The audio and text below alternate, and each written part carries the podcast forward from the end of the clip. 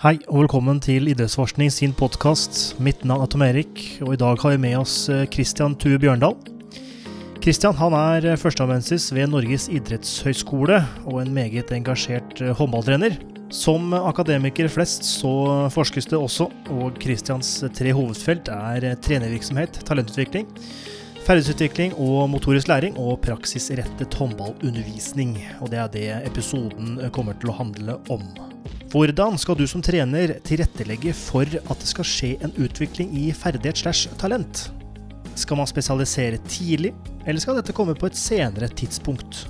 Finnes det en slags motorisk gullalder, der koordinative øvelser burde komme tidlig som barn? Eller kan man få fremgang i disse ferdighetene uavhengig hvor gammel du er? I tillegg så vil vi minne om vårt webinar 19. mai, som starter klokka ni og som vil omhandle teknologi i idrett, trening og prestasjon. Påmeldingen er stengt, men du kan fortsatt få med deg webinaret via vår Facebook-side live. Og med det så vil jeg ønske alle en god 17. mai og god lytting. Velkommen Christian, til vår podkast. Er alt vel?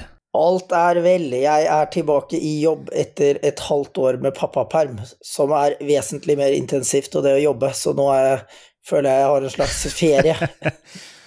ok. Tilbake til ferie, rett og slett? Tilbake til ferie. Ok, ja, riktig, riktig. Ja, velkommen skal du være. Du er jo en kjent figur for oss i idrettsforskning, der du har tidligere hatt et eh, innlegg på vårt webinar i fjor, september, som omhandlet uh, ferdighetsutvikling, som er et av dine eh, faglige barn, hvis jeg kan kalle det det. Det er det. Det har jo liksom vokst på meg fra å være trenerstudent til å jobbe mer eller mindre på heltid som håndballtrener, og, og så etter hvert undervise på, på idrettshøyskolen, og, og, og, liksom se den viktigheten av å ha en, en, felles teoretisk plattform for å tenke og arbeide rundt ferdighetsutvikling i praksis, da, som, som kanskje har mangla litt både i den både i den akademiske verden jeg har det ene beinet mitt i, og også i den praktiske hverdagen som, hvor jeg har hatt det andre beinet mitt. Og det var en ganske fin tease til en slags uh, introduksjon til, eller, av deg. Eh, for du er jo førsteamanuensis ved Norges idrettshøgskole. Håndballtrener og forsker innenfor litt ulike felt. Hvis du kan gi en kort uh, intro av deg sjøl, uh, med tanke på litt forskning, jobb og utdanning. Jeg er jo miljøskadet. Jeg kom rett fra russetid til idrettshøgskolen i 2004. Eh, og, og, hadde jo ikke noe veldig klar plan, men syntes det var gøy å studere idrett. Jeg syntes det var stas å komme inn på NIH. Jeg syntes det var gøy å gå førsteåret der, så jeg gikk videre i trenerrollen og spilte aktivt de årene der, samtidig som jeg da begynte også å arbeide mer som trener. Og så fortsatte jeg på mastergraden min på NIH rett etterpå. Fortsatte med trenerutdannelse i forbund og, og, det å trene lag i lag og arbeide med å trene utøvere i skolesetting og i, eh, og i forbundsregi i flere år. Samtidig som jeg, etter at jeg var ferdig med masteren, begynte å undervise så smått på idrettshøyskolen. Mm. Og da var jeg så heldig at jeg fikk et uh, doktorgradsstipendiat som mer eller mindre føltes i hvert fall ut som det var skreddersydd for meg, i slutten av 2012. Hvor jeg uh, startet på et prosjekt som, som tematisk da, skulle handle om talentutvikling i norsk uh, håndball. Sammen med Lars Tore Rangland, som er rektor hos oss, og Svein mm. Andersen, som er professor i organisasjon og ledelse på BI. Og, og, og, dette var jo gøy, så jeg passa jo på at jeg greide å få meg en postdoktorstilling på idrettshøyskolen da jeg var ferdig med den doktoraden, og, og nå da så sitter jeg som førsteamanuensis eh, med en stilling som har vart et, eh, et drøyt år eller noe sånt nå, og, da i en posisjon hvor jeg tenker liksom at de må bære meg ut, hvis ikke jeg skulle finne på at jeg ønsker noe annet etter hvert. Riktig. Så du trives med andre ord? Jeg trives veldig godt på NIH, og samtidig så har jeg liksom vært opptatt av å prøve å være i, i, andre roller og, og, andre steder, både på høyskoler og universiteter, men også, men også um, i, i, andre arbeidsroller, da, for å passe på at jeg har, fortsatt har litt kontakt med virkeligheten. Det er viktig for meg å holde noen treninger på gulvet uh, fra uke til uke, sånn at jeg liksom prøver å holde meg aktuell som, som praktiker også, da. Mm. Og det er jo, eh, mener jeg, kanskje er eh, rent subjektivt den beste oppskriften, der man har en fot i akademia en fot i det praktiske feltet. Eh, for det er kanskje ikke alt vi akademikere prater om som alltid fungerer på det, nei, på det praktiske idrettsfeltet. Men det er kanskje noe du har hatt øh, lyst til å gjøre noe med? Jeg syns jo dette her er mer og mer interessant, for jeg, jeg har blitt etter hvert mer interessert i Jeg har vært opptatt av tverrfaglighet eh, hele tiden. Mm. Jeg, som, som, trener spesielt, så har jeg liksom tenkt at her er det viktig å trekke veksel på, på et bredt spekter av, av disiplinærkunnskap. Altså selvfølgelig er treningsfysiologien relevant, eh, og, det, og, og, øh, og, samtidig som det å forstå hvordan sosiale prosesser fungerer, øh, det å kunne det idrettsfaglige, det å kunne forstå det relasjonelle, det å kunne forstå hvordan liksom, disse større liksom, samfunnsmessige rammene også påvirker virksomhetene våre. Alle disse tingene er liksom viktige. Det er sånn at det har liksom ligget der for, som, en, som, et utgangspunkt for meg hele tiden. og Derfor tenker jeg også det er viktig at trenerutdanningene legger til rette for at vi kan, at, eh, at vi kan på, annen, på, på, den ene siden oppnå en felles forståelse av det vi driver med, så han ikke blir for disiplinspesifikk, men samtidig åpne opp for at folk har ulike interesser og kan fordype seg i ulike retninger. Men så når du da begynner å snakke om ferdighetsutvikling, eller når du da begynner å skulle trekke veksel på alle disse her forskjellige disiplinene, så oppdager man jo fort hvordan bitene i puslespillet nødvendigvis ikke passer sammen. Uh, og det er kanskje det som interesserer meg mest nå. Det er jo å få hvordan Altså begynne å undersøke hva som er viktig og riktig innenfor ett perspektiv, eller et, um, en disiplinforståelse. Uh, si det være treningsfysiologi eller idrettspsykologi eller idrettssosiologi, for den saks skyld. Hvordan disse tingene kan passe sammen i en helhetlig tilnærming til praksis, som er egentlig det vi er opptatt av, og det vi trenger. Og da mm oppdager vi jo det at vitenskapene datt jo ikke ned fra himmelen. altså De har jo også oppstått i et sosialt felt, og måten å gjøre ting på, hva vi er opptatt av, hva vi fokuserer oppmerksomheten vår på, hva som er riktig og viktig, varierer jo innafor disse ulike eh, forståelsene. Og det å bli litt da klar over det, det kan jo gjøre at vi kan se liksom altså Det gir oss et bedre utgangspunkt for å forstå hvordan vi kan bruke kunnskap, da, om det er praktisk kunnskap eller, eller kunnskap som er utvikla innenfor, innenfor, vitenskapene, men også hvor den kunnskapen stopper. Mm, mm, mm. Så jeg, jeg, var litt forkleina etter at jeg hadde holdt eh, et lignende foredrag som jeg holdt eh, for idrettsforskning for Olympiatoppen i høst, hvor jeg tror at det hørtes ut som at jeg, eh, at jeg kritiserte grunnforskning, f.eks um, innenfor idrettsvitenskapene. Uh, mens, mens jeg tenkte etterpå at poenget er jo ikke at grunnforskning ikke er relevant, det er jo mer det at hvis vi blir for låst i én forståelse eller en silo da, av kunnskap, uavhengig av hva det er, og den kunnskapen ikke egentlig er egna for å håndtere helhet da, eller kompleksitet, så har vi et problem, da. Mm. Så det er det jeg tenker jeg skal bruke tiden min på framover, blant annet. Og, og, det som liksom ligger et, som et veldig sånn sterkt utgangspunkt for, for, uh, for, hvordan jeg tenker å arbeide med trenerutdanningen vår, da, som er det jeg er mest involvert i. Mm. Men det, det, høres ut som en, eh, egentlig en gigantisk oppgave som eh, ikke virker umulig, men ganske nærme umulig. For Eh, hvordan er det du tilnærmer dette? Også hvis du skal et, eh, komme med noen konkrete eksempler, hvordan er det uh, hvordan er det det, måte, det mest uideelle oppbyggingen av ferdighetsutvikling er? Altså dette med uh, det du legger fram som den idrettsvitenskapelige modellen, den mer fraksjonerte, reduksjonistiske, versus mm -hmm. den mer kontekstbaserte, holistiske, helhetlige. Altså, hva er Hvor er vi? Er vi fortsatt på det reduksjonistiske, og eh, Eller er vi på det holistiske, og hvilke utfordringer er det da rundt dette her? Ja, vi er i aller høyeste grad fortsatt veldig prega av en sånn reduksjonistisk forståelse av ferdighetsutvikling, hvor det litt den boksen vi detter inn i, litt tilfeldigvis, avhengig av hva jeg har studert, eller hvor jeg har gått på kurs, eller, eller hvem det var som foreleste, hva han var opptatt av, ga meg liksom ett perspektiv på virkeligheten som jeg ofte får presentert som det perspektivet på virkeligheten. Mm. Samtidig så syns jeg jo at um, at, man, at hvis, vi, hvis vi ser internasjonalt, så er jo dette feltet i endring, både på forskningssiden og på utdanningssida og på trenersida. Så sånn som i fotball internasjonalt, så er det jo en del Så er jo det å f.eks. prøve å dele opp fotballferdighet ned i den mest mikroskopiske delen eller detaljene jeg kan liksom øve på repetert etter hverandre uten å håndtere alt det andre, det er jo ganske umoderne. Og det jo også, har jo også begynt å prege norsk fotball, sånn som jeg ser det i hvert fall litt på utsiden. Men jeg tror vi er veldig lite bevisste, eh, både i, innenfor de idrettsvitenskapelige utdanningene våre, og også i, i, forbundene. Så vi tar til oss en del som skjer ute, men, men uten å helt forstå eh, forstå hvorfor eller, eh, eller hvordan, da. Og så er det jo et eller annet med å nyansere det ett steg videre, da. Fordi Eh, med, også med fotball som et eksempel. Eh, jeg, min, min, erfaring med fotball er jo å spille, bedrifts, er å spille fotball på bedriftshøyskolen tre dager i uka.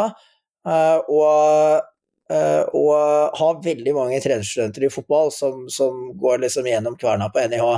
Så jeg har jo et, et altså Mitt innblikk i fotballen det vitner om at fotballfolk er jo bare interessert i ting som handler om fotball, hvor det står fotball i overskriften. Så der har jo liksom pendelen svingt så langt noen ganger at dette her med liksom generalitet eller spesifisitet i, i, i trening, det har blitt så skeivt at, eh, at man liksom helt har glemt hvordan også en eh, altså generell trening vil til en viss grad, eller alltid til et visst punkt, også kunne ha en god Eh, overføringsverdi til den spesifikke idretten. Da. Så det er at man har to tanker i hodet samtidig her. Styrketrening f.eks. er jo et veldig godt eksempel. Altså det er jo hvor vi vet nok om at styrketrening på en fornuftig måte vil kunne ha en overføringsverdi til det å kunne løpe raskere eller hoppe høyere. Samtidig så er det jo ikke sånn at bare jeg blir sterkere i et eller annet som er fryktelig langt unna den konteksten eller de bevegelsene jeg beveger meg på fotballbanen, vil, vil, gjøre at jeg blir en bedre fotballspiller. Det er et eller annet med å forstå hvordan vi kan bruke, bruke, den kunnskapen, og hvor han stopper. Og da begynner vi å få et litt mer nyansert bilde da, i min verden av, av, hvordan vi kan sette sammen en helhetlig treningsprosess, enn det, vi, eh, enn det å enten liksom eh, gå meg helt vill i en sånn misforstått spesifisitet, eller forholde meg til utelukkende til ting som er utvikla i laboratorier under veldig kontrollerte former, og som har alltid begrensa overføringsverdi til den virkelige verden. Da. Så min forståelse som praktiker og akademiker av treningsprosessen, eh, med mitt, ut, med mitt liksom økologisk dynamiske utgangspunkt for å forstå ferdighetsutvikling, det er jo at den det er å maksimere utbyttet av den treninga som ligger veldig tett oppunder konkurransekravene. Det betyr at for mine håndballspillere så må vi, så må vi passe på at kjerneaktiviteten eh, ligner nok på de utfordringene og mulighetene som ligger i kamp. Samtidig så er toleransen for veldig spesifikk trening, høyintensitetstrening, i relasjon til medspiller, i relasjon til motspiller, med retningsforandringer og kroppsmotstand og alt som hører mer til, til, det å spille håndball, toleransen for den type trening, den er jo ganske lav. Så resten av treningsuka, for uten de to, kanskje tre treningene med veldig, med veldig høyintensitet spesifikk trening for elitehåndballspillerne eh, som jeg jobber med, det, det, da, da, må jeg på en eller annen måte fylle på med noe annet. Og hvis jeg da tenker at den resten av treningsprosessen, den skal være supplerende, den skal bygge opp under, den kan ikke være det samme, for da blir vi bare skada. Det er jo mm. det som skjer i norsk håndball og norsk ungdomshåndball.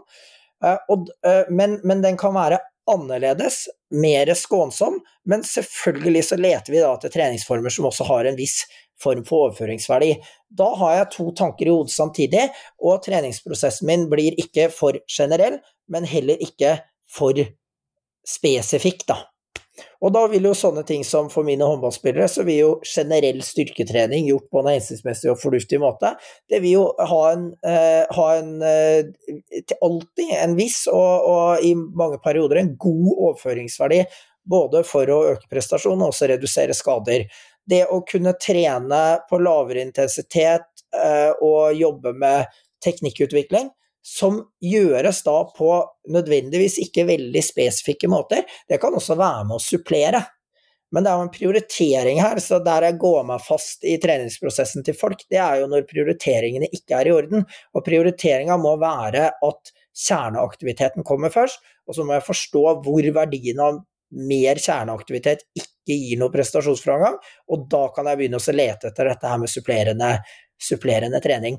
Og der tenker jeg at vi kan åpne opp altså Der er jeg blitt mye mindre dogmatisk enn en, en det jeg var. Eh, så jeg tenker jo at her Altså, hva er det? Eh, jeg har noen ideer om det, men om andre har andre ideer om det, og den treningsprosessen da ser annerledes ut i den supplerende treninga, det tenker jeg at det er viktig å åpne opp for, da, for vi låser oss veldig i sånne det som egentlig bare er veldig kulturelle forståelser av hvordan vi må gjøre ting på. Mens når vi åpner opp og prøver også å uh, lete etter nye, andre kreative måter å gjøre disse tingene på, så er det jo noen ganger at vi også, uh, også kan finne på noe nytt som også vi, vi senere vil tenke tilbake på og si at faktisk bidro på, på en positiv måte. Mm, mm, mm. Og jeg har gjort alt gærent, så jeg syns jeg kan si disse tingene til mine studenter, f.eks. Altså, jeg var trener for Rælingen damelag i førstedivisjon i 2008-2009. Det var min første jobb som seniortrener. Mm. Da var, hadde jeg forelska meg i et sånt red Altså, det var før TRX-ene kom, så det var jo da en god gammeldags redcord-slynge. Ja. Eh, så hele FYS-treninga til Rælingen, førstedivisjonslaget der for kvinner, det var jo bygd opp rundt den terapimasteren. Eh, og det var ikke sånn at alt det var helt bortkasta, men det var jo en rel... Altså, sett tilbake, 15 år senere nesten, så syns jo jeg at det var en relativt begrensa tilnærming til styrke- og kraftutviklinga til de utøverne jeg trente. Mm. Og noen år senere så var jeg trener i Bekkelaget, og da bestilte vi et helt kobbel av pulsklokker fra Korea, fordi vi fikk det veldig billig på et eller annet sånt der parti, så det var liksom ikke polarklokker, det var noe som ligna i navnet og så likt ut, men ikke var helt det samme. Eh, og, og, jeg levde jo da i en verden hvor, hvor jeg hadde lært ikke sant? Dette var jo fra min idrettsvitenskapelige utdannelse, hvor jeg levde i en verden hvor jeg var livredd for at ikke vi skulle være rusta til sesongen, fordi, mm. fordi Martine eller Bettina eller hvem det var, løp ti sekunder for kort, eller fem sekunder for langt, eller fire minutter for lite, eller fire minutter for mye, på den der intervallen. Vi drev og gampa rundt i skauen utafor Ekeberghallen. Mm. Eh, når vi drev og gampa rundt i skauen utafor Ekeberghallen. Og liksom når jeg ser tilbake på en del av disse tingene, så, har jeg liksom, så ser jeg hvordan min egen treningsprosess også er, har vært prega av veldig mye støy, da. Uh, og det er jo ikke sånn at det nødvendigvis var gærent, men, men, det, også, men, men det gærne der blei jo at jeg hadde Altså, jeg trodde jo at jeg hadde en eller annen fasit for hvordan dette her skulle gjøres, og, og en del ganger da så forsvant jeg jo langt ut på vidda, og andre ganger så lå jeg sikkert i en eller annen sånn nærliggende, noe som uansett var ganske fornuftig, da. Mm, mm. Men hvis du skulle gjort om uh, den rælingen-jobben uh, uh, Altså mm. bytta ut redcorden, eller kanskje ikke bytta ut, men gjort den om, eller eh, ikke brukt pulsklokke, eller brukt noe annet. Altså, hva, eh, det du har lært nå, hva hadde du kasta det helt bort og brukt noe annet, eller eh, hadde du ikke tenkt så mye på de Pulsklokka er jo på en måte en, en ting om man skal kontrollere intensitet og kanskje treningsbelastning, mm. og redcord er ja, jeg husker ikke helt hva argumentene for Red Core er, men det er stabiliserende styrke og den slags, og overføring til skudd og sånne ting. Men hva hadde du gjort annerledes nå i dag? Nei, Hvis du tar en treningsprosess eh, for en håndballspiller, da, som igjen er det som ligger liksom nærliggende hjertet mitt Jeg har respekt for at fotballspillere nødvendigvis ikke trenger akkurat det samme, og at dette her vil være forskjellig fra ulike idretter. Mm. Men da vil, en, da vil, en, treningsuke for den kanskje bestå av Og dette, dette, er ganske likt for meg, da, i min forståelse, om det er en ungdomsspiller eller om det er en seniorspiller. Mm. Så vil de trene Så vil vi kunne ha to til tre treninger i uka som er kamplike, da. Eh, det betyr ikke at vi spiller kamp sju mot sju, men det betyr at, vi, at, alt vi gjør av øvelsesbasert opplegg, det, det tilfredsstiller liksom kampkrav. Det betyr relasjon medspiller, relasjon med, eh, motspiller, valgsituasjon og høy intensitet i alt vi gjør, sånn basically. Så alle øvelser må inneholde det, det er, og det betyr mye spill, da, eller mye spillbasert trening. Mm. Det jeg ville supplere da, for, den, uh, for den håndballspilleren, uh, og også for fotballspilleren, men kanskje litt i mindre grad, det vil jo være generell styrketrening. Og vi er jo opptatt av funksjonalitet i den styrketreninga. Jeg er så heldig at jeg har to kamerater som driver noe som heter Oslo idrettssenter, og Even Ramsdal som er eh, leder for treningsavdelingen der. Vi har diskutert disse her tingene i ti år, og der har vi jo også, om ikke gjort alt gærent, så har vi jo i hvert fall beveget oss i ulike retninger der også. Mm. Og der har vi jo liksom prøvd å liksom være veldig opptatt av å øke funksjonalitet, øke spesifisitet. Og nå ser jeg at pendelen altså svinger litt tilbake også for oss der, da. Sånn at det å kunne utvikle Altså, vi er jo opptatt da av at vi kan jobbe med å utvikle kraft i lukka bevegelseskjeder, at vi kan, gjøre, at vi kan jobbe med, med, med, løft som gir eh, som gir mye bang for a buck, uh, f.eks. Mm. Altså store baseløft og sånne type ting, og treningsprogrammet er bygd opp rundt det. Mm. I tillegg så vil det være sånn at uh, um, at uh, disse skadene som oppstår, er dels idrettsspesifikke, i hvert fall. Sånn at for disse håndballspillerne så er det en hel del ting vi ønsker å unngå. Fordi det forsterker bevegelsesmønster som de allerede blir, blir veldig sterke i, eller som og, og, da ofte på bekostning av, av, bevegelsesmønster som de allerede er ganske svake i. Og mm. um, og, og, på en eller annen måte da jobbe oss rundt disse tingene som vi vet at vil kunne skape problemer. For en håndballspiller så er det press over hodet, f.eks., eller en del ting som noen ganger kan være veldig knedominant, fordi de knærne får veldig mye, mye, mye påvirkning i håndballtreninga. Og så uh, prøve, oss, uh, prøve, da også å jobbe med bevegelsesmønster som vi vet at de er ganske svake i, bakside skulder f.eks. Mm. Uh, og disse tingene kan være individuelt, og de kan være Eh, de kan være eh, men, både individuelt, men også, men også idrettsspesifikt. Så det er liksom å bevege seg i det landet der. Men da trener jo de fleste spillerne våre eh, De trener jo ganske likt. Altså, de trener jo ikke så forskjellig. Så kan du si at posisjonskravene er forskjellige i håndball. En, det er de. Samtidig så er det jo sånn at eh, hvis vi ønsker å påvirke skaderisiko, hvis vi ønsker også å påvirke kraft, hurtighet, så er jo prinsippene der ganske like. Sånn at mm. treninga ser jo ikke så veldig forskjellig ut allikevel. Den største utfordringa for disse utøverne, det er jo når de ikke spiller håndball. Når de mister håndballtreninga, og det å kunne simulere det i den fysiske treninga, f.eks. Mm, ja. Og så ser jeg jo en verdi i å kunne supplere det idrettsspesifikke med mer. Altså for en fotballspiller så er det jo fins det jo ikke noen grense for hvor flink du kan bli til, eller hvor eh, hvor flink du kan bli til å behandle ball på egen hånd, på løkka. Eh, og, eh, og, det samme med en håndballspiller. Det å gå i hallen og skyte 100 skudd eller 1000 skudd eller så mange skudd du bare vil, så lenge du ikke får vondt i skulderen, og prøve å leke med å utvikle repertoaret ditt på ulike måter, det ligger det jo masse, masse læring i, men det er jo absolutt ikke spesifikt. Fordi det gjøres jo utafor ramma av den derre kampkonteksten eller spillkonteksten som jeg på den andre siden vil si at det er den viktigste treninga. Mm. Så det er å bare ha alle disse tankene i hodet samtidig, da.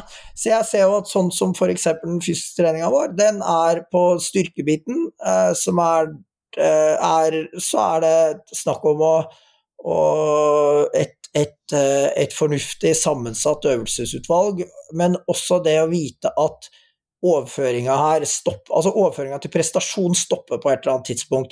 Og med de håndballspillerne som da er i, en, er i et veldig godt treningssystem da, fra, fra, ganske tidlig som en del av de har blitt nå, eller er nå de siste ti årene, hvor de trener f.eks. systematisk styrketrening med god veiledning og oppfølging fra de er 15-16 år, kanskje. Mm. De er, noen av de guttene spesielt, de er jo så sterke når de kommer i tredje klasse på videregående, at det er jo helt irrelevant om han kameraten der løfter 10-20 kilo mer i den markløften eller trap-baren eller bøyen eller, eller, hva det skulle være. Mm. Mm. Uh, og, og, og, og, hva gjør vi da, da, når vi kommer i den situasjonen med utøvere? Jo, det gir jo kanskje et insentiv for at vi kan tenke veldig annerledes. Da. Høyere grad av variasjon, passe på at vi opprettholder en styrkeplattform, men, men ikke uh, men ikke liksom bli forelska i å øke den på bekostning av andre ting. Og det viktigste for disse spillerne, det er jo å føle seg pigge og ha overskudd, og føle seg sterke og raske og Eh, både fysisk og mentalt eh, eh, oppglødd når de skal spille kamp på søndag eller lørdag eller når det er. Mm, mm. Absolutt. Det høres ut som uh, mange gode tanker, og det er litt sånn uh, Jeg er jo egentlig helt enig i at uh, de valgene du gjør som trener, skal være ha en hensikt, og ha en, enten en spesifikk hensikt, enten som er rettet mot individet eller mot idretten, eller helst kanskje begge deler. Uh, I hvert fall slik jeg forstår det, Christian. Ja, helt enig, og jeg tror at den, den altså distinksjonen her, det er også Det er at utgangspunktet ditt må, må, må ligge i en sånn nært en forståelse av hva som er kjerneaktiviteten, ja. og så må du bygge opp treningsprosessen rundt det. Mens når vi lærer Altså vi, om du går på trenerkurs i forbund, eller om du går på, tar en idrettsvitenskapelig utdannelse, så, så, så er, den, er, den, ofte så modulbasert at du lærer om hva som er viktig og riktig i arbeidsfysiologien, i eh, styrketreninga, i idrettspsykologien, i idrettssosiologien, på fotballfeltet. Mm. Og, og, så, eh, og, så, er det lett for at, for at, dette blander seg i en eller annen grøt som ikke alltid er like altså Som ikke nødvendigvis går hånd i hånd, da, for det er så mange ting som blir viktig og riktig på en gang, at det er vanskelig å sortere de, eller, eller greie å liksom eh, ordne de hierarkisk på en eller annen måte, da, kanskje. Mm. Og der snakker jo ikke vi som fagfeller nok sammen. Sånn at det er jo et eller annet med at altså, hva som er skadeforebyggende trening, det er jo mye mer enn et oppvarmingsprogram, eller en øvelse på skadefri.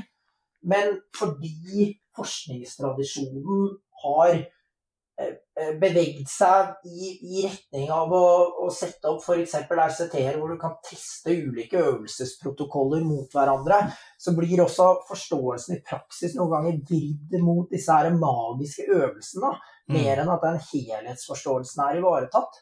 Mm. Og det å diskutere styrketreninga, eller FYS-treninga, eller kondisjonstreninga, for det, for, eller, eller hva det er, uavhengig av hva det er som på, eller uavhengig av hvordan det påvirker skaderisikoen, det er jo også helt høl i huet. Og det samme gjelder jo den spesifikke aktiviteten. Så hvis jeg skal outsource alt annet, eller jeg som håndballtrener ikke skal ha noen forståelse av helheten i treningsprosessen her, fordi jeg har ti eksperter som løser hver sin mikroskopiske del, da, da, da mister jeg jo linken til kjerneaktiviteten, og hvordan det også gjensidig påvirke hverandre. Da. Så det er et annet med å ha mange tanker i hodet samtidig her. Og så tenker jeg at det er viktig at vi vet noen ting om hva som er riv ruskende gærent. Vi vet noen ting om hva som er eh, fornuftig. Og så er det et stort liksom, sånn rom for å eksperimentere rundt der. da. Hvor vi kan, også kan gjøre ting på veldig forskjellige måter og få et godt resultat. Og det er jo også sånn at vi lurer og spør oss selv liksom, hvorfor hvorfor vi gjør akkurat det samme med to forskjellige utøvere og får helt ulike resultat, men det er jo fordi folk er forskjellige. Mm. Og at læring og utvikling er individuelt og unikt og ikke-lineært og ikke består av enkle årsak-virkningssammenhenger. Mm. På gjennomspor liksom, har jeg store statister altså har jeg, sto, har jeg store noen grupper å se det på, så vil jeg selvfølgelig se at, trenings, at det er en sammenheng mellom treningsmengde og prestasjonsutvikling. Men hvis jeg går ned på individnivå, så finner jeg jo ikke de samme sammenhengene. De ser veldig ulike ut, da. Og de mm. går liksom litt sånn i rykk og napp. Så vi lurer oss også noen ganger når vi liksom blir for opphengt i, i, i, uh, i disse forståelsene som, er, som, som, skal være så generelle at de gjelder på utsiden av kontekst. Det er jo ikke så veldig mange ting som gjelder på utsiden av kontekst. Da gjelder det ofte bare til en viss grad, da. Absolutt. Eh, Uh, før uh, praten gikk i gang, uh, og dagen før, så fikk vi inn ganske mange spørsmål. Så jeg tenker vi må sette i gang med de spørsmålene fra de enkelte. Og ja, vi fikk en ganske en stor bredde på spørsmålene, så jeg er litt så usikker på hvor jeg skal starte. Men la oss ta dette med eh, barne- og ungdomsforskningen, altså hvor er den på vei hen? Jeg er litt usikker på hva slags kontekst personen mener det i, men jeg antar om det er utvikling, enten det er talent- eller ferdighetsutvikling. Uh, på en måte, Hva er de nye trendene, og hva er det vi må forstå fremover, slash lære mer av? Det har du for så vidt nevnt litt i forhold til dette med uh, spesifisitet, og at utgangspunktet må være selve idrettsfeltet, eller idretten. Mm. Men er det noe tror jeg mer du vil tilføye der? Ja, jeg tror at vi kan utdype det med utgangspunkt i den liksom helt unike konteksten vi har i Norge. Da. Eh, Og, det, og, jeg tror at det er viktig at disse trendene i barne- og ungdomsforskning tar utgangspunkt i de samfunnsstrukturene og den kulturen er en del av. Det betyr at hvis vi skal si noe om disse tingene og, og veien inn i framtida, så er det viktig å forstå at det er forskjell på Norge og Canada eller Norge og USA, eller Norge og Storbritannia. Dette er jo også et tips til norsk fotball, som er veldig glad i å reise rundt og se hva de gjør alle andre steder. Det kan jo være veldig inspirerende, men det er jo ikke akkurat sånn at det alltid er Altså det er jo ofte helt andre grunner enn at det var den mest effektive måten å trene på, at systemet var satt opp på den måten.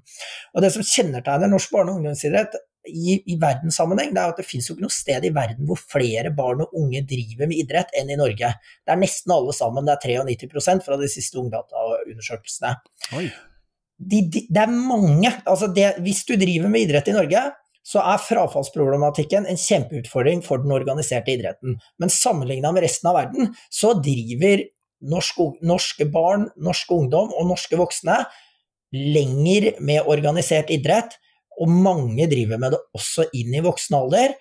Og de barn og unge som driver med idrett, de trener relativt mye. Så det er et annet med at vi driver med det både lenge og mye, eh, og mange som driver med dette her, sammenligna med, med alle andre land vi kan sammenligne oss med. Mm. Hvorfor er det sånn? Altså, jo, det er jo pga. den idrettsmodellen vår er så brei som den er, og den er så brei som den er fordi han ikke er kommersialisert, ikke profesjonalisert, men basert på en sterk grad av frivillighet. Han er desentralisert, og han er klubbbasert, og han er grasrotdrevet. Mm. Det skaper jo noen utfordringer også. Jeg jobber jo med trenerutdanning og syns det er helt supert at vi får bedre kvalifiserte, bedre utdanna, mer kunnskapsrike trenere, og, og kan jo snakke i tide og utide om, om, om, hvor viktig det er. Samtidig så er det jo et eller annet med at vi, vi, kan jo få til det bare ved å skru opp treningsavgiftene, men da vil det rett og slett være veldig få barn og unge som vil kunne drive med idrett, så vi vanner ut vårt eget produkt der. Den modellen er også fryktelig konkurransedyktig for å skape gode prestasjoner på toppnivå.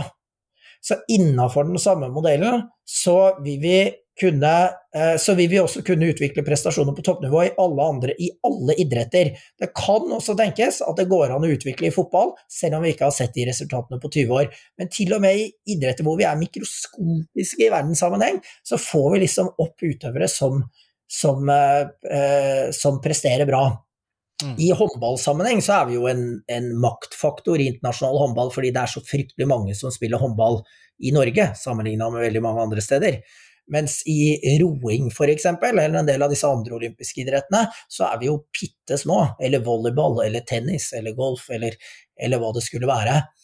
Sånn at det også liksom Altså det er et eller annet med at de retningene vi drar, både forskning og praksis i barne- og ungdomsidrett, det må ta utgangspunkt i hva som er styrkene og svakhetene ved den modellen og den liksom, konteksten vi er en del av, og så jobbe med å forstå hvor skoen trykker, og løse de utfordringene i praksis. For eksempel så er det sånn at når jeg ser på årsaker til frafall blant selekterte fotball- og håndballspillere som er veldig ambisiøse, trener masse, øh, har en identitet som er sterkt knytta til det å bli, å bli topphåndballspiller, så er det de samme årsakene som går igjen for frafall, som når jeg ser på den bakerste gruppa, som er de som kanskje ikke er så interessert Eller den, ungdom, den ungdomsgruppa som ikke er så ivrig, ikke så interessert i å bruke så mye tid på det. Men det at det blir for mye for fort, for hardt, Mm. Eller ja, for mye for, for, hardt og for fort, det gjør liksom at det, det, lekker i begge ender her. Så det vi trenger, det er jo en eller annen form for fleksibilitet her som løser en del av disse utfordringene. Så det var jo et litt langt og utdypende svar på hvor barne- og ungdomsforskningen er på vei. Jeg vet jo ikke om man er på vei hit, men jeg skal i hvert fall gjøre mitt for at vi kan dra uh, det beinet jeg sitter på, da, den barne- og ungdomsforskningen, i, i den retninga der. Da. Mm. Og jeg ser en del så bare for å tilføre på slutten her, så er det sånn altså Det er jo en del av den kunnskapen her som er utvikla i helt andre kontekster, spesielt i Canada. Altså en del av disse mer sånn um, sosialpsykologiske modellene for å forstå trenervirksomhet eller drive ferdighetsutvikling eller forstå deltakelse i idrett og sånt, de er utvikla i noen helt andre kontekster. Sånn at når vi diskuterer allsidighet og spesialisering i Norge, forstått som å drive med flere eller færre idretter, så er jo det på helt andre premisser enn der den kunnskapen også er utvikla. Det er jo ingen som driver, nesten i hvert fall, med tidlig spesialisering per definisjon i Norge. Og da er det også igjen da viktig å ha det i bakhodet, sånn at jeg kan forstå hvor den kunnskapen fra Canada f.eks. Eh, stopper. da. Jean Coté, som er en av de store forskerne på dette feltet internasjonalt, og er veldig veldig mye brukt både i, både i akademia og forskning, eh, han, det, det, er et godt eksempel på, på, et, på, et, stort kunnskapsfelt som er relevant, men alltid dels relevant. For også her så er det problemer med overføring. da er det samme som å utvikle en testprotokoll i laboratoriet, liksom. Altså, da har vi redusert bort veldig mange ting, og når jeg reduserer bort kontekst, så mister jeg noe helt sentralt, også om det er innafor samfunnsvitenskapene, da. Ja, riktig, riktig. Men øh, vil du Altså, øh, det virker jo som om idrettsmodellen vår fungerer, fordi, som du sier, vi får opp øh, ganske gode utøvere i mikroskopiske idretter, og for så vidt eh, litt større idretter. Og vi har jo vært gode, og kanskje er litt bedre nå, i hvert fall i fotball. Bitte litt. Og vi har jo verdensstjerner med Haaland og, og, den slags. Mm. Eh, eh, på en måte eh, hvilke endringer var, ville du ha gjort? da? Hvor, altså, hvor ille er det, egentlig?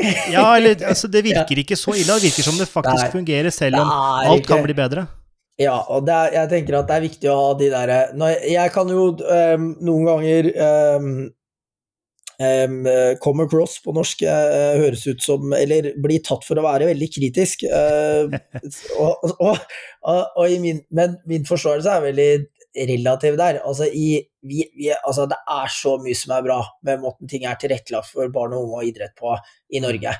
Mm. Så dette her er viktig å holde toga rett i bunnen. Hvis vi skal sammenligne oss med andre, altså utenfor, folk utafor landets grenser, så er det supert. Det er supert å vokse opp i Norge, det er supert å bo i Norge om du er barn, ung eller voksen, stort sett.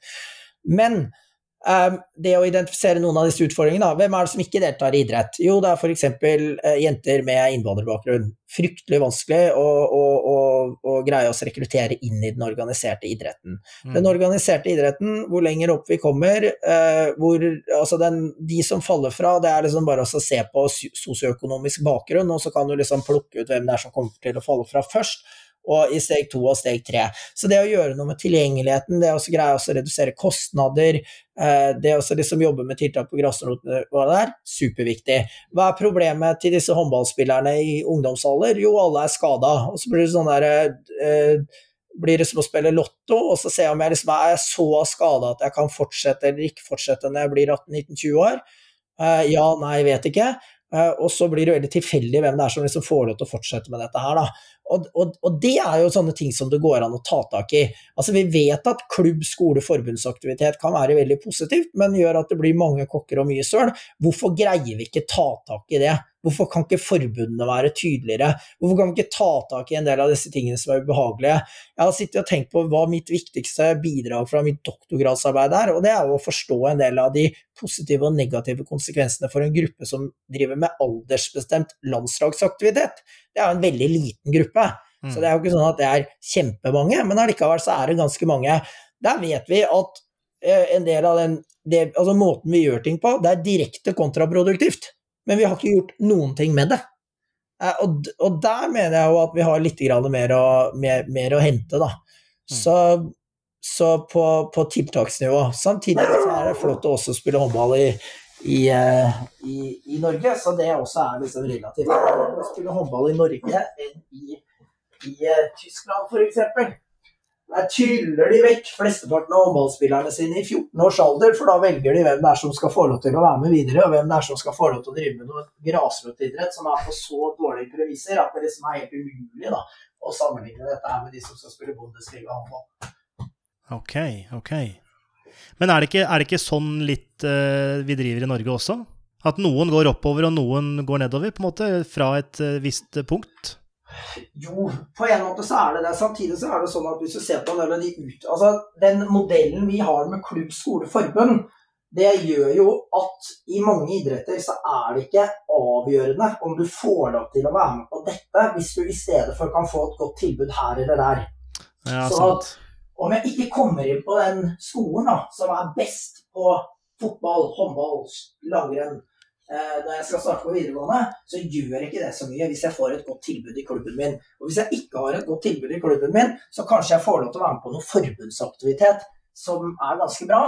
Eh, og, og, da kan det være med på å fortsette å trigge min utvikling. Da.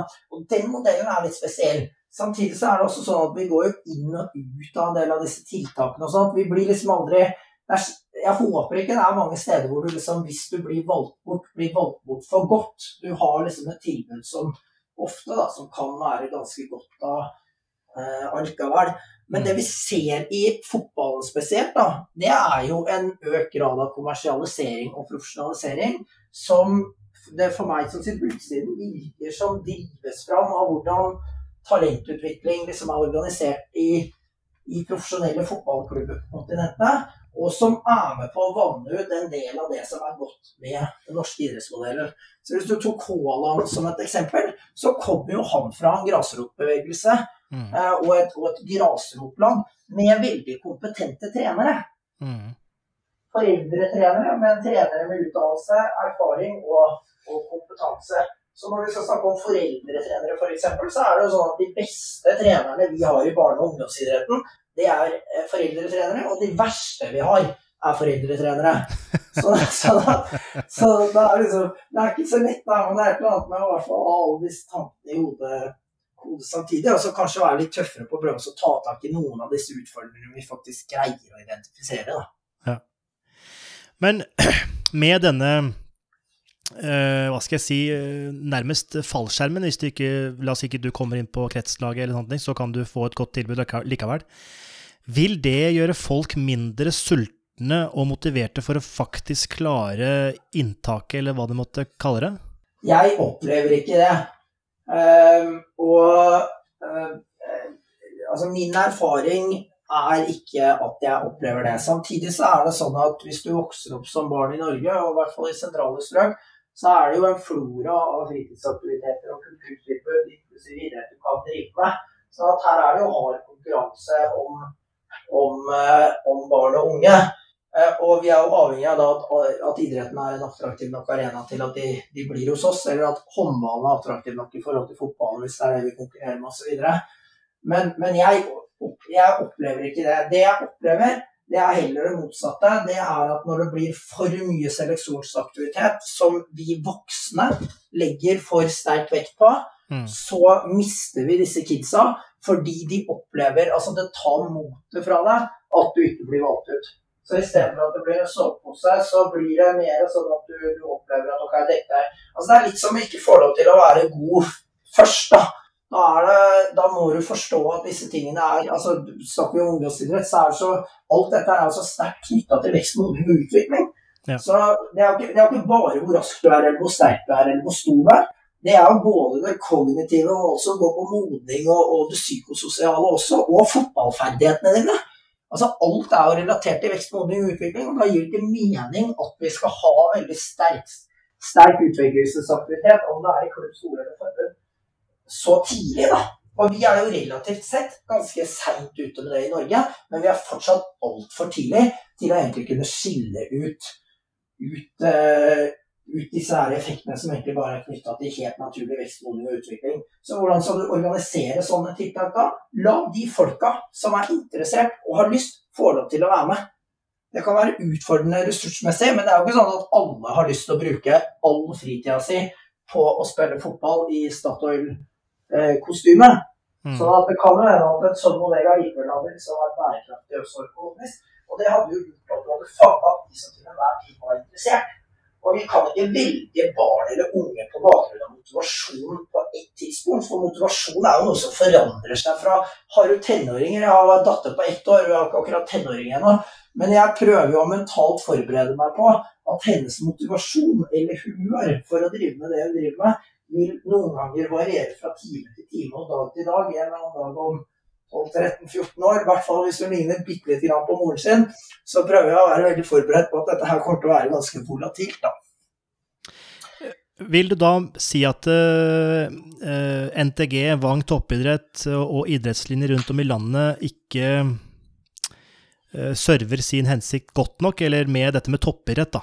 Uh, som er, altså, man har jo idrettslinjer som har breddeidrett og mm. en mer variasjon i en 15-16-17 års alder, også eldre. Men har de en god effekt, eller har de en nøytral slash negativ effekt? Ja, jeg tror, at, um, jeg tror at det er en veldig viktig distinksjon der mellom idrettstilbudet som du får i videregående skole, både i, um, hos de private toppidrettsgymnasene og også hos uh, de fylkeskommunale videregående skolene som tilbyr toppidrett, som da varierer i kvalitet. Noen er jo virkelig gode, andre er kanskje, er kanskje ikke like gode. Um, så tror jeg det er en veldig viktig distinksjon mellom, mellom idrettstilbudet i videregående skole og på ungdomsskoletrinnet. Ja. Og på videregående så tror jeg at det har vært en stor fordel for norsk idrett at du har fått dette brede tilbudet som nå nesten er tilgjengelig for alle. For alle. Jeg har fått lov til å være sportssjef på et privat håndballgymnas i Oslo, eller ikke håndballgymnas, men håndballinje i Oslo i ti år nesten, på Otto Treider, som har utvikla et veldig godt håndballtilbud. Men hvor Eh, som alltid liksom har ligget som en forhåpentligvis da, som en god nummer to bak Vang toppidrett, som har hatt en enda bedre håndballinje i kraft av at de spillerne som har startet der altså De, de utøverne som har startet hos oss, det er ofte de som ikke da kom inn på om toppidrett. Og Allikevel så er det jo sånn at det er veldig mange av de spillerne som har gått gjennom systemet hos oss, som også har blitt fryktelig vellykka seniorspillere. Eh, så det her er jo en kjempe... Og det er jo mange andre aktører der også utover utover hva måte det er det. Så det er jo en kjempefordel at det, er, det, tilbudet er ganske tilgjengelig for veldig mange. Da. Eh, men det skaper utfordringer i forhold til samhandling med klubb, og det skaper utfordringer i forhold til læreplanene, hvor jeg ser at en del blir veldig begrensa av rammene de får fra departementet. Sånn at aktiviteten på skolen er ikke fleksibel nok. Han er ikke tilpassa behovene som skifter hele tida, men det blir veldig sånn må gjøre aktivitet.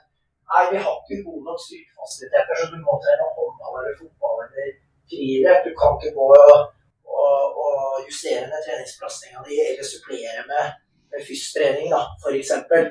Og den retninga jeg ser vi dreier praksis i, både på Vang og på, på Trauder også, det er jo at for disse håndballspillerne så trener de jo så mye håndball at de trenger jo egentlig ikke trene, så er det håndball på skolen. Men kanskje de kunne få trent styrketreninga si der med enda litt bedre faglig oppfølging og så hatt litt mer fri på kvelden.